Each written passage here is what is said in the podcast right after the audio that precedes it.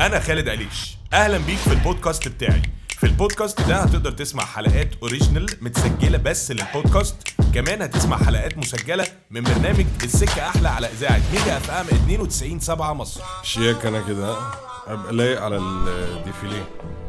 من كام يوم كان في défilé في الهرم. يعني إيه défilé؟ يعني شوية ناس ماشية بتفرجنا على اللبس اللي هي لابساه بس حاجة جامدة. كنافة بالمانجا. اللي كان عامل الديفيليه أو عرض الأزياء أو كنافة بالمانجا ده كان دار أزياء شهير. كفاية إن اسمه دار. أنا مش فاهم هل إحنا عشان في الهرم في الحتة بتاعت أبو النمرس بترمي ناموس كتير فكانوا عاملين زي مكافحة ناموس ولا هما بيصطادوا نحل ولا إحنا شغالين في منحل؟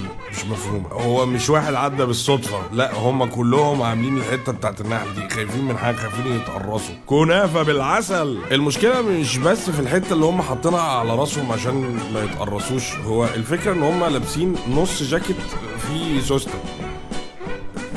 في حاجة مش مفهوم طبعا بعيدا عن اللبس اللي فوق كله الحتة اللي تحت الجزمة دي إيه؟ دي جزمة بيستخدمها عمال البكابورتات اللي هم بينزلوا في المجاري علشان رجلهم لا مؤاخذة في اللفظ يعني ما تتعصب المجاري بس هم كانوا ممكن بقى يضيفوا على الناموسية اللي هم لابسينها دي إن هي تبقى فيها صاعق كهرباء بحيث إن الناموس لما يجي يروح ملدوع فاهم؟ طيب سيبك من ال collection الأولانية بتاعت الناموس خلينا ندخل على ال collection اللي جاي. ال collection اللي جاي دي بتاعت الطيارين. لا مش الطيارين العاديين طيارين الدليفري. الخوذة دي بتحميك كراجل دليفري من المخالفات وبتحميك مثلا لو أي عيال حبت إن هي تزقلك بالطوب ولا حاجة. بتبقى ماشي كده إيه آخر علاقة برنس في نفسك. وطبعا عشان هما ما بيسيبوش أي حاجة للصدفة بما إنك أنت لو طيار دليفري بتوصل أكل مثلا فلازم يبقى معاك شنطة عشان توصل فيها الأكل. فعملوا لك الشنطة. فاكر زمان لما كنا بندلدل السبت تندل عم محمد عم محمد نص كيلو طماطم الله يبارك لك فهم قال لك نعمل حاجة صديقة للبيئة يعني. كنافه بالطماطم. لا في الطقم ده ده شبه الطقم بتاع عبد الله غيث في فيلم الرسالة صح؟ بعدين دي هي, هي دي جيبة ولا بنطلون؟ إيه الموضوع؟ هو في سؤال تاني هو ليه بنطلون وفوقيه جيبة؟ هو إحنا في اسكتلندا؟ لا في طقم تاني شورت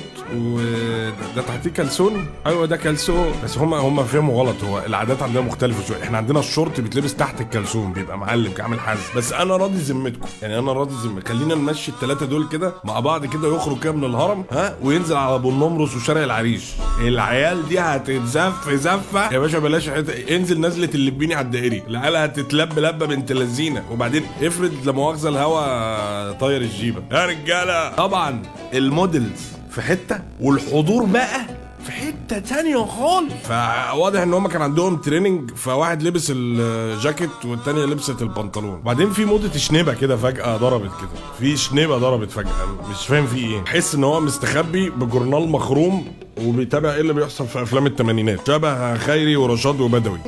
كنافة شعر. في واحد كوري أنا ما أعرفوش بصراحة. بس الدعوة كانت جاية له هو ومامته. فعشان ما يزعلش مامته خد البلوفر بتاع مامته وجيب إيه. وزي ما تيجي بقى اللي يحصل يحصل يعني. يا ولا الشنطة اللي أنت لابسها دي يا ولا. يا ولا إيه الشنطة اللي أنت لابسها دي يا ولا. أنا أنا أنا فاهم إن الموضة إن أنت تبقى ولا مختلف. يعني تبقى ولا مختلف لابس لبس مختلف كده وبرنس يعني. بس الموضة مش معناها إن أنت تشيل بياضات الكنب وتلبسها انت كده بوظت نفسك وبوظت الكنب. ذنب الانتريه إيه يعني؟ عارف لما ماما تاخد بلوفر ابتدائي فتخيطه في بلوفر اعدادي وتاخد حتة من المطبخ تروح حطاها في الغيارات الداخلية فتعمل لك حاجة تدفي صدرك؟ إيه يا ولا اللي انت عامله ده يا ولا؟ ذبحت نمر ولابس جلد يا ولا ولا بتعمل إيه يا ولا؟ بص هو البلطو ده بيفكرني ببلطو. أنا عارفه. أنا عارفه. أيوه. حاج عبد الغفور برعي يا حاج عبد الغفور برعي في إيه؟ يعني في إيه اللي أنتوا إيه ده؟ إيه ده؟ ما هذا؟ كنافة بالشكشوكة.